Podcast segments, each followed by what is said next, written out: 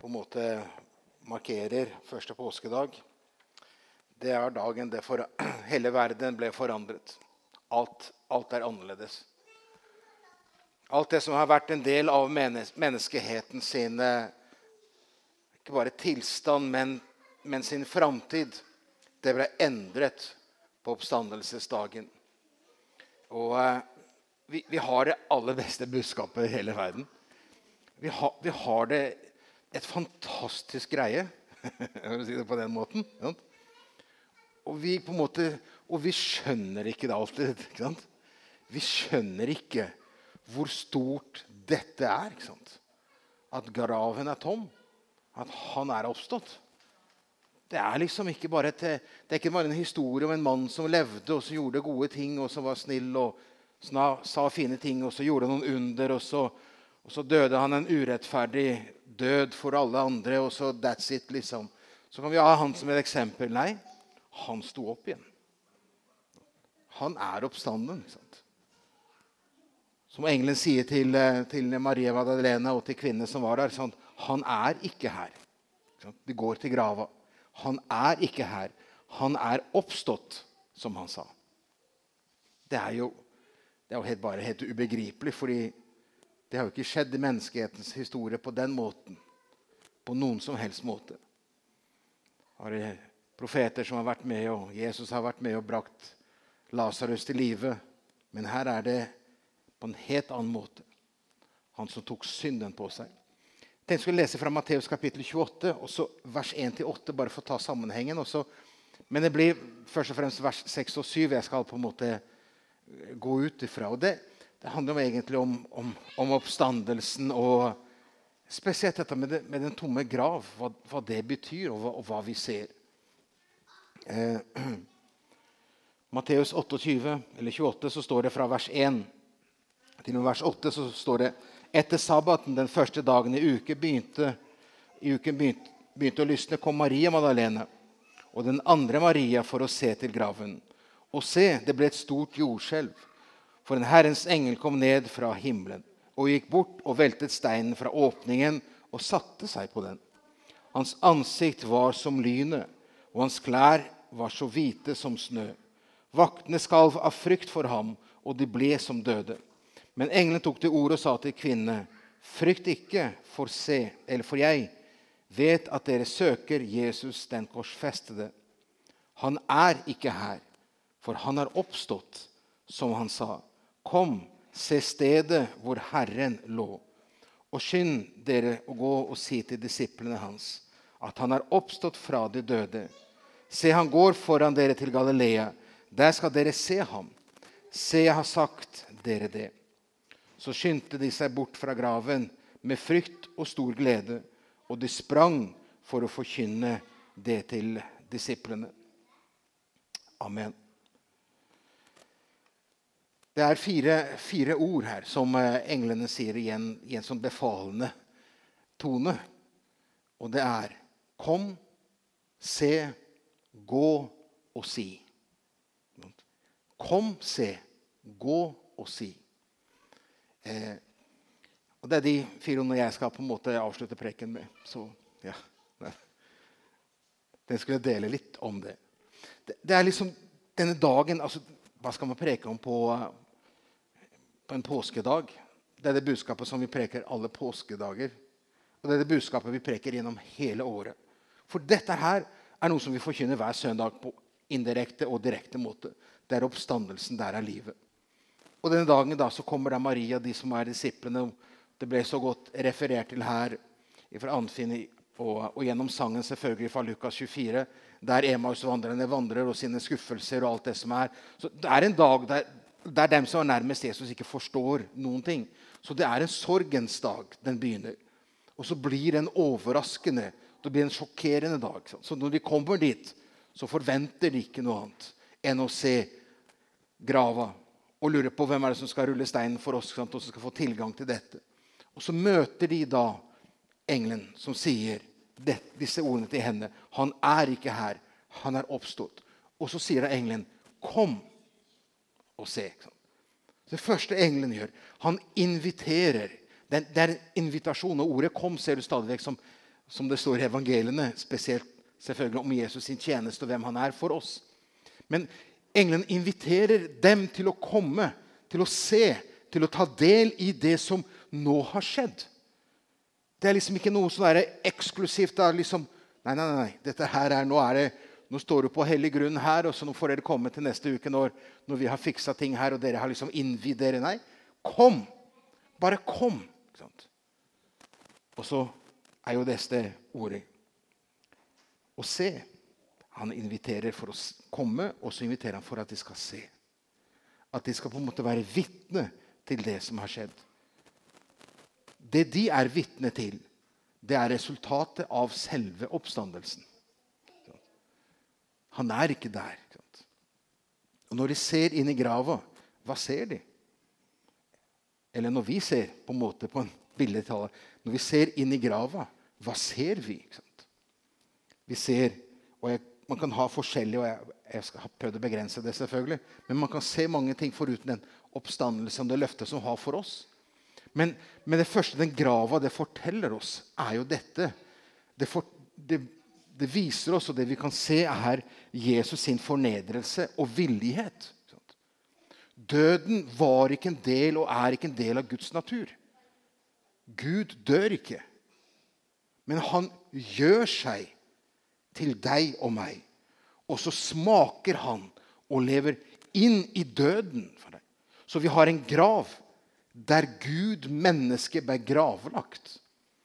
Det forteller noe om Guds sin villighet og Jesus sin selvfølgelig villighet. Som det står i Filippe-brevet kapittel 2. Og så står det der i vers 7 og 8. Han uttømte seg og tok på seg en tjenes skikkelse og kom i menneskets likhet, står det her i min oversettelse. Da han i sin framferd ble funnet som et menneske, fornedret han seg selv og ble lydig til døden, ja, døden på korset. Så det, en, det var ikke en, en, mann, en sånn fin figur, som en begynte med. Men Gud selv som ble menneske. Vi feira jul for ikke så lenge siden. Gud ble menneske. Kom ikke som en konge da heller. Det var bare noen hyrde på marken, og det var veldig enkle kår. Men der begynte den reisa som avslutter her. Den avslutter med en død, der Gud tar på seg noe som ikke var en del av ham. Så grava og en tom grav Hva ser vi der? Jeg ser Guds villighet og Jesus sin nedverdigelse eller, eller villighet og, og fornedrelse for deg og for meg. Det andre man kan se tom, med det tomme gravet, der ser vi syndens grusomhet. Syndens grusomhet. Fordi det er For botemiddel for vår synd viser egentlig dybden og omfanget av synden. Vi skal snakke om hvor, hvor stor er synden og synden et problem for mennesket og menneskeheten, så kan, kan vi være litt forskjellige. Noen på en måte føler seg ikke så syndere, og vi er ikke så ille. Men når du går det motsatte veien, og du tenker at, at, at Gud måtte la sin sønn dø At Gud ikke fant en annen løsning på at sin sønn Ikke bare at han skulle dø i en trafikkulykke eller et eller annet sånt. Men han skulle dø en, en fornedrelsesdød der han tok på seg vår synd og skyld. Der han ble fornektet, der han ble slått, han ble pisket, han ble spyttet på, han ble slått, han ble ydmyket i flere timer. Og der han til slutt henger på et kors en, på en torturerende måte. Og jo mer man på en måte leser om hele hvordan romerne gjør dette her, jo mer kvalmende er det. For det er så grusom måte å avlive eller henrette et menneske på. Og måtte Jesus i dette her ikke sant? Det er det som Jesus er i Getsemanehagen, og så gråter han i dette idet han, han går i forbønn og ber til Herren. Herre, la denne kalk gå meg forbi. sant? Han kjente hele sorgen. Han kjente syndens tyngde over seg. Så botemiddel for vår synd viser hvor grusom og hvor stor synden er og var for oss mennesker. Det fantes ingen annen løsning enn at Gud selv, som var i den posisjonen som var syndfri, kunne dø for den som var en synder. Så der har du en, en syndfri som tar en synders død. Så Jesus tar på seg alt dette her. Så den tomme grava viser oss at, at, at, at, Gud måtte gjøre alt dette her for synden. og Derfor kan man ikke på en måte snakke om, om syndens konsekvens med letthet. For hvis synden er bare Ja, det er liksom det er noe enkelte miljøer er veldig opptatt av å snakke om synd. eller ja, Synd er noe som enkelte kulturer har. Men vi i Norge vi, det er jo ikke så ille. Ikke Folk gjør ikke så mye gærent. Og så snakker man om synd på en, på en nedverdigende måte. Jo mindre syndens problem er, jo mindre mening har det med Jesu død på korset.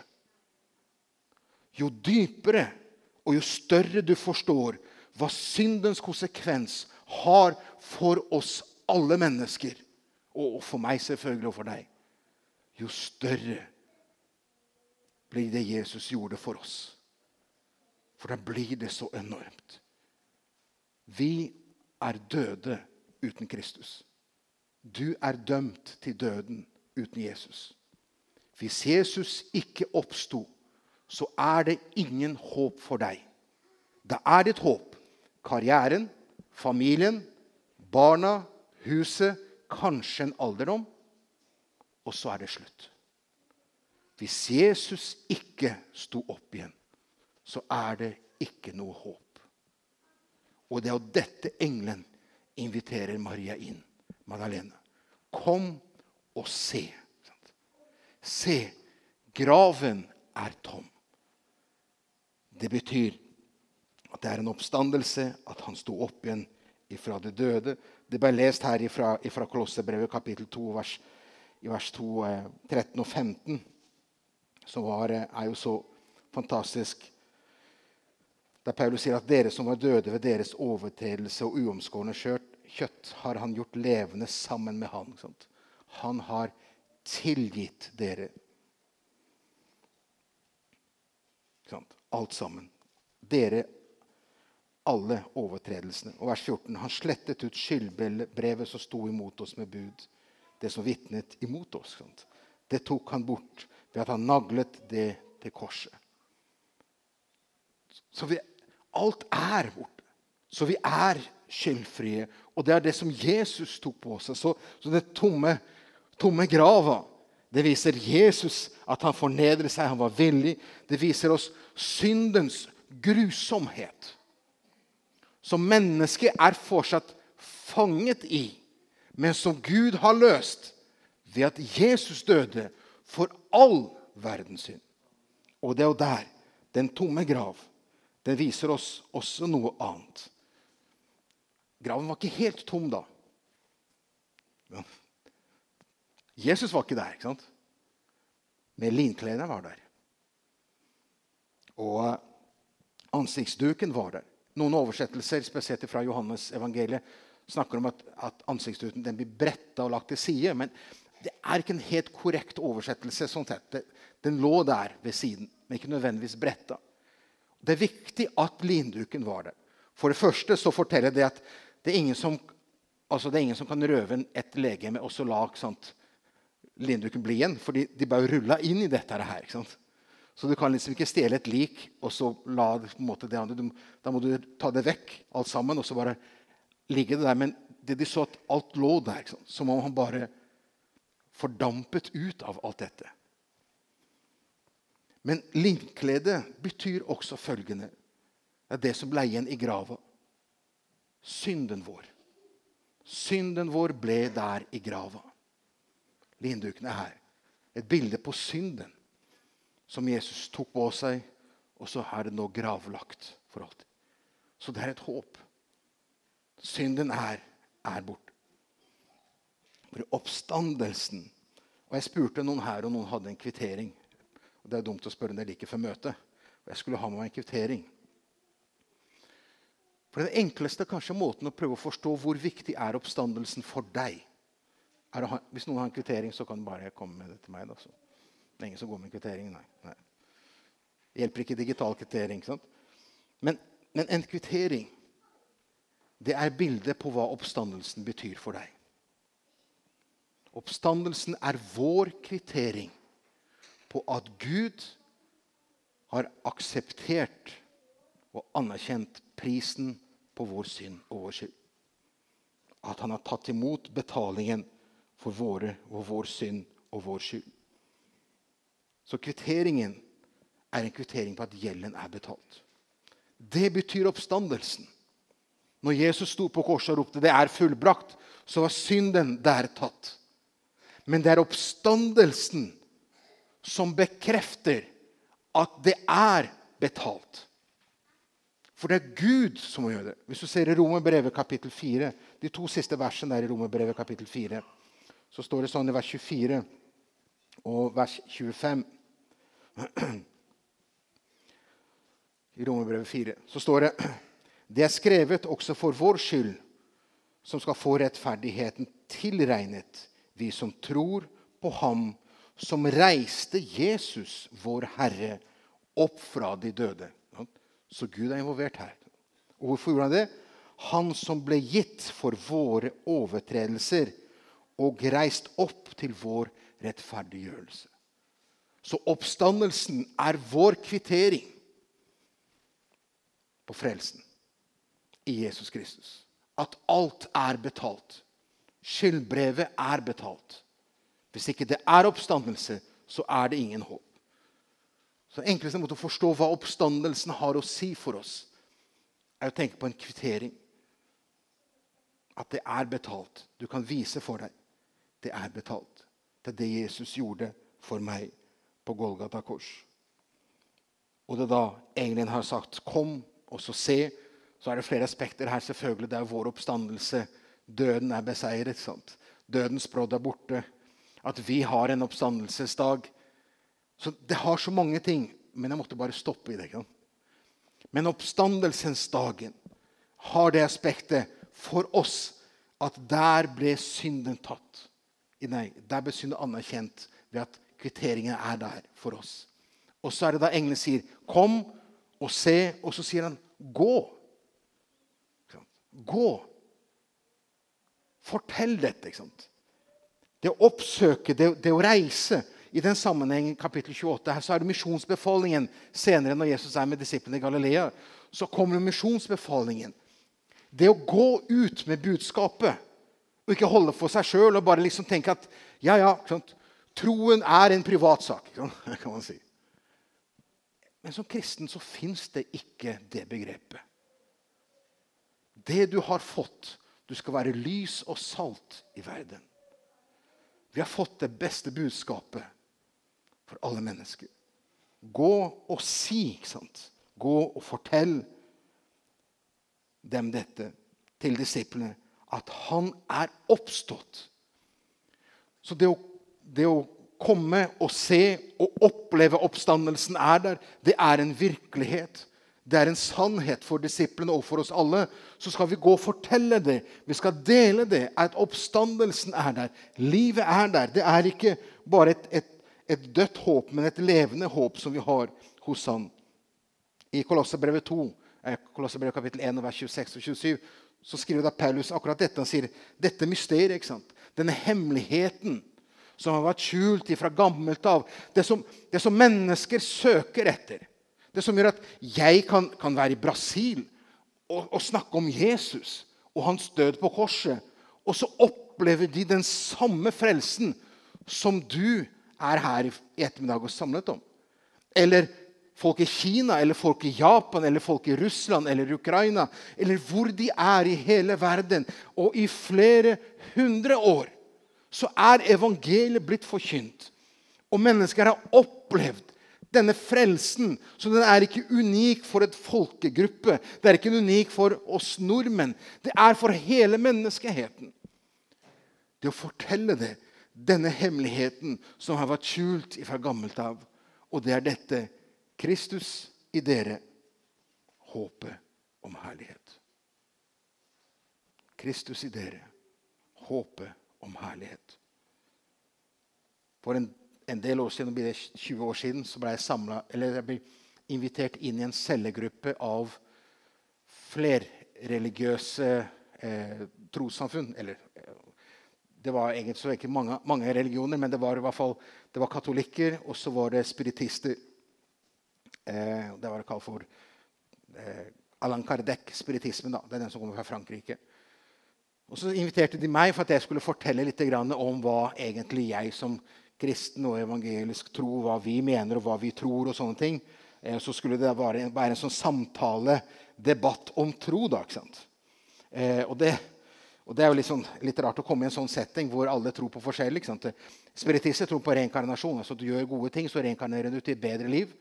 Og det neste liv og neste liv og neste liv, til slutt så kommer du selvfølgelig eh, til et, en, en, eller annen type for paradis. Eh, så der er du veldig opptatt av gjerninger, om alt det du skal gjøre. Eh, og spesielt disse katolikkene som vi hadde med å gjøre i Brasil, de var jo veldig opptatt av, av alle disse gjerningene. Og er du der nede i Brasil under påsken, så ser du folk som slår seg til blods og gjør alt dette her for å gjøre seg verdig til at Gud skal høre, om, eh, høre på dem. Så jeg var samla her sammen med dem i denne, denne på en måte bibelgruppe eller, eller samtalegruppe. da. Og så, så, skulle jeg da fortelle så ja, kan ikke du fortelle litt? Sånn de var alle liksom veldig sånn der på, for det skulle bli debatt. ikke sant? Så sier jeg greit, det, sa jeg. Men vet du hva, kan ikke jeg bare lese? Kan ikke jeg bare lese hva Bibelen sier om hva vi tror på? Og så kan vi samtale rundt det.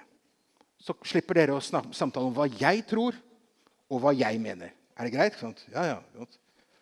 Da, da var de fanga. Da leser vi bare fra Så slo opp Efeserbrevet. hadde med meg bibler og delte ut Bibelen. Efeserbrevet kapittel 2. Og så leser vi ikke sant? rundt omkring der. ikke sant? For også dere gjorde han levende, dere som var døde, ved deres overtredelser og synder. Dere var døde på grunn av livet, hvordan det er. Dere som en gang vandret i den tidsalderen, om denne verden etter fyrsten over luftens makt, en ånd som er nå virksom i ulydighetsbarn. Så står det videre, vers 4.: Men Gud er rik på miskunn. Og på grunn av Hans store kjærlighet som Han elsket oss med, gjorde han oss levende sammen med Kristus. står det her i vers 5. Da vi var døde i overtredelse, av nåde er dere frelst. Han oppreiste oss sammen med ham og satte oss sammen med ham i den himmelske verden i Kristus Jesus. For at han i det kommende tidsalder kunne vise sin nådes ufattelige rikdom i godhet mot oss i Kristus Jesus for av nåde er dere frelst ved tro. Det er ikke av dere selv, det er en Guds gave. Det er ikke av gjerninger, for at ingen skal rose seg. For vi er Hans verk, skapt i Kristus Jesus til gode gjerninger, som er gjort ferdig på forhånd for at vi skulle vandre i dem. Så enkelt og så vanskelig. Ikke sant? Så sier jeg min kristen tro handler om å ta imot det Gud har gjort. Og det å innse at jeg aldri kan gjøre noe for å gjøre meg fortjent til noe som helst gunst av Gud, men å bare erkjenne at jeg trenger Guds nåde. Det ble ikke ett spørsmål. Ingen debatt. Det ble alle blanke øyne. Og så begynte han ene å si det trodde jeg ikke var det som dere evangeliske kristne mente. Så begynte forskjellig å snakke om hvordan de har opplevd det noe forskjellig. Så, så, må man bare døyve det. Så sa jeg ja, helt greit. Så. Men dette er evangeliet. Og nå sier jeg til oss, ikke til dem. Vi er hans verk. Du er Guds verk. Du er ikke din mamma og pappas verk. Du er ikke nasjonen Norge sitt verk. Du er ikke miljøskada. Du er Guds verk. Du er Guds verk, som han har kjøpt fri. Det er det Gud gjorde for deg og for meg. Og hvor ufattelig vanskelig det er å forstå det og leve i det. Men det betyr noe når du begynner å forstå at du har et håp som er levende. Det betyr at når verden faller sammen, når livet går i grus, når ting er helt ubegripelig, når alt er bare sjokkerende, så kan du få lov til å se på at Jesus lever. Martin Luther, som levde for noen hundre år siden, han hadde store kvaler, han hadde store depresjoner og mange kamp med djevelen. og hadde mye greier. Men ofte når han var i sin dypeste nød og i sin dypeste depresjon og kamp som var i sitt liv, så skrev han på pulten og så skrev han på veggene på rommet der han var. Jesus lever. Jesus lever. Amen. Vårt håp lever. Jesus er oppstandelsen, han er livet for deg og for meg. Og vi har av det beste budskapet som vi kan bringe til hele verden. Og vi har beste budskap som vi kan leve i. ikke sant? Vi behøver ikke å holde fast på alt det vi har i dette livet. Vi kan få lov til å holde fast ved Han. Men det er så vanskelig å gi slipp på alt det vi, alt det vi eier. Alt det vi vil. ikke sant? Det er så vanskelig å gi slipp på det og heller si, 'Herre Jesus, må det bli deg, Jesus.' Jesus, må jeg se oppstandelsen av deg i mitt liv og bli som Paulus snakker om og taler om. Kjenne oppstandelsens kraften i livet. Oppstand Hva er det for noe? som Skal stå opp igjen fra de døde? Nei. Det er det livet. At du er tilgitt hele tiden. Du er fri. Og at du kan få lov i oppstandelseskraft til å kunne være mer og mer fri i til hva livet bringer. At du kan få lov til å leve et liv for Gud og til Gud. For vi er, er skapt til gode gjerninger. Og vi kan få lov til å feire Gud. Så hva du går igjennom i ditt liv, og du, hvordan du har det Uansett om ting faller sammen, uansett om ting er vanskelig, uansett om ikke du forstår døyt av noen ting som skjer rundt deg. For vi lever i en urettferdig verden på mange ting og opplever at livet er, er komplisert og vanskelig. Så kan du i hvert fall høre disse budskapene fra engelen. Han er ikke i graven. Han er stått opp. Jesus lever. Han er vårt levende håp. Og han går i forbønn for deg. Og en dag så kommer han igjen. Han er vår frelser. Han er vår konge. Så når du skal på jobb i morgen, eller hva du skal en eller annen, og du kan få det opp i dine tanker at jeg tilhører en herre som lever i all evighet. Og jeg er kalt til å leve en evighet med ham. Ikke bare 10 år, 50 år, 70 år. En evighet sammen en evighet. Kanskje vi kommer til å smake døden, vår siste fiende. Men uansett så vil vi i en evighet være sammen en dag. Han er oppstanden. Han er livet. Han er frelsen for deg og for meg. Og han hjelper oss så vi, vi kan møte hverdagen. At vi kan kjenne oppstandelsens kraften. Og kjenne at jeg må dele dette.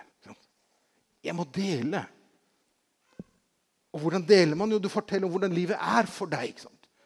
Vi må dele det med venner, vi må dele med arbeidskolleger, vi må dele med de menneskene som vi har rundt oss. Det er det vi har. Vi skal ikke holde det hemmelig.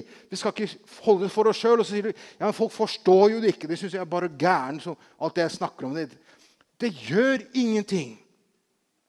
For folk vil synes du er rar.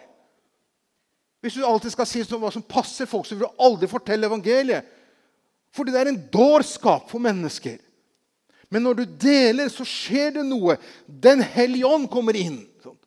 Så overbeviser Den hellige ånd, enten da eller nå, om synd, rettferdighet og dom. Og så blir det noe der til å kunne dele dette budskapet. Jeg må tilbake til den reisa vi hadde i januar med disse som var med i Brasil, sant? og han som ble frelst. Vi hadde bare bønn sant? hjemme hos han. Hjemme hos han. Folk Han var berusa. Vi sto der og bare be, ba sammen. Kan jeg få lov til å be for dere? Ja, sa han. Så ba vi der. Så ba han Guds, Guds velsignelse og Guds frelse og Guds, Guds nåde. ikke sant? Og i dette her så går det bare to uker, så kjenner han Gud kaller han til at han må gi sitt liv. Selv med fotlenke så går han, da, som jeg nevnte her for måneder siden. Så går han på møte og så gir han sitt liv til Jesus. og så blir han henta av politiet etter møtet. Fordi han, son, han, gikk utenfor sin soningsområde. Og at må sone nå resten av sin dom på, i fengselet. Men han var villig til det. For han ønsket og trengte å oppleve Jesus.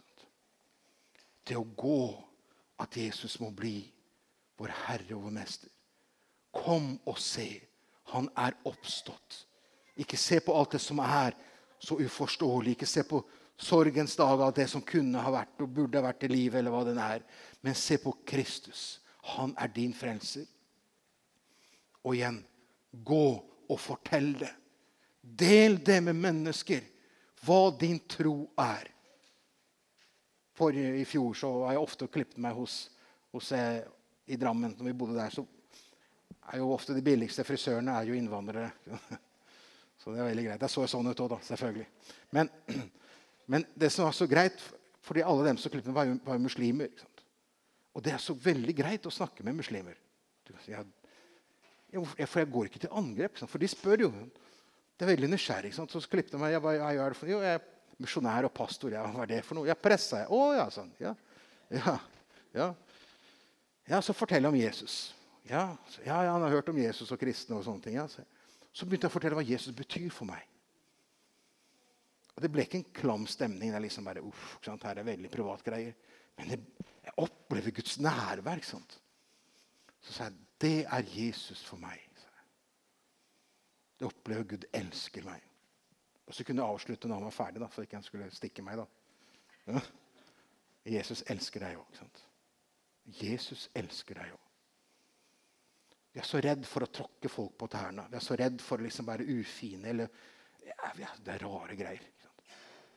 Det er ikke det at vi skal høvle over folket, slå i hodet på folk med evangeliet, og sånt, men det handler om å dele livet. Dele livet. Og jeg vet det er vanskelig, for ingen av oss ønsker å bli ledd av. Ingen av oss ønsker at noen skal si at ja, er bare tullete greier, det du tror på. Ingen av oss ønsker å høre at folk bare snur oss ryggen til og sier at det har jeg hørt før. Alle oss ønsker å høre å, så fantastisk. Men det er ikke vår oppgave å omvende et hjerte. Vår oppgave er å fortelle mennesker om Jesus.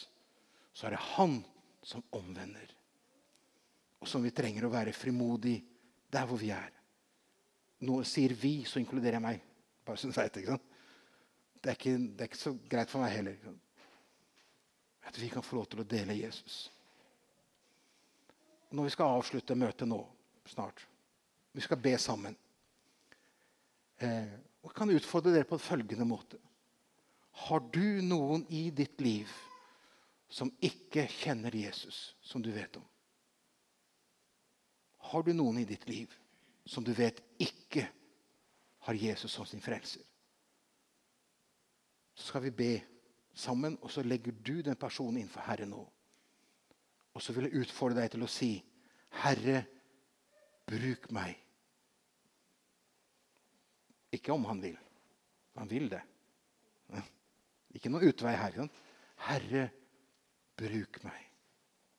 Og Hvis du sitter her og tenker at ja, hvem har jeg? jeg har en svær liste, jeg vet ikke hvem, så kan du heller be, kjære Jesus, vis meg, Herre, et menneske som du har satt på min vei, som jeg har fått et ansvar for å dele troen med. Du er ikke her for benkefyll, for bare å eksistere. Vi her er Guds verk, og så ønsker Gud å bruke oss og dele det. Kan vi gjøre det? Har du noen i tankene nå? Ja. Himmelske Far, Herre, vi, vi takker deg, Jesus, for at du er oppstanden, Jesus. Vi takker deg for at du lever, Herre. Vi takker deg, Herre Jesus, for at vi har aller beste budskapet å gi til menneskeheten i hele verden i Jesus. Herre, nå ber jeg Jesus for de menneskene eller den personen som du har satt i våre liv, Herre. Som vi skal få lov til å dele evangeliet med, Herre. Nå legger vi det mennesket inn for deg, Jesus. Herre, vi ber om din nåde, din kjærlighet, Herre. Herre, vi ber at du skal, en, at du skal åpne hjertet for ordet, Herre Jesus. Vi ber, Herre Jesus, for muligheter, Herre. Vi ber, Herre Jesus, at du skal få lov til å gi oss frimodighet, Herre, til å dele troen, Herre. Herre, nå legger vi denne personen innenfor deg. Og så legger vi våre liv innenfor deg og sier, Herre, Herre, her er jeg. Bruk meg. Herre, jeg frykter hva folk skal si. Herre, jeg er redd for hva mennesker skal mene. Men Herre, her er jeg. Herre, hjelp meg i min svakhet, så jeg kan få lov til å dele livet som du har gitt meg. Og så takker deg, Herre, for at du allerede har sett til det mennesket. Og jeg takker deg, Herre, for at du allerede arbeider i det menneskets hjerter, Herre. Og at vi skal få lov til å gå i ferdiglagte gjerninger der også, Herre. Nå legger vi det inn for deg, Jesus. Amen. Amen. Halleluja. Amen. Så kan vi få lov til å fortsette med det. ikke sant? Så vi kunne få opp lovsangsgruppa nå på avslutning av møtet. Så kan vi også ha det, så kan vi ha det åpent her framme, og du kjenner at det,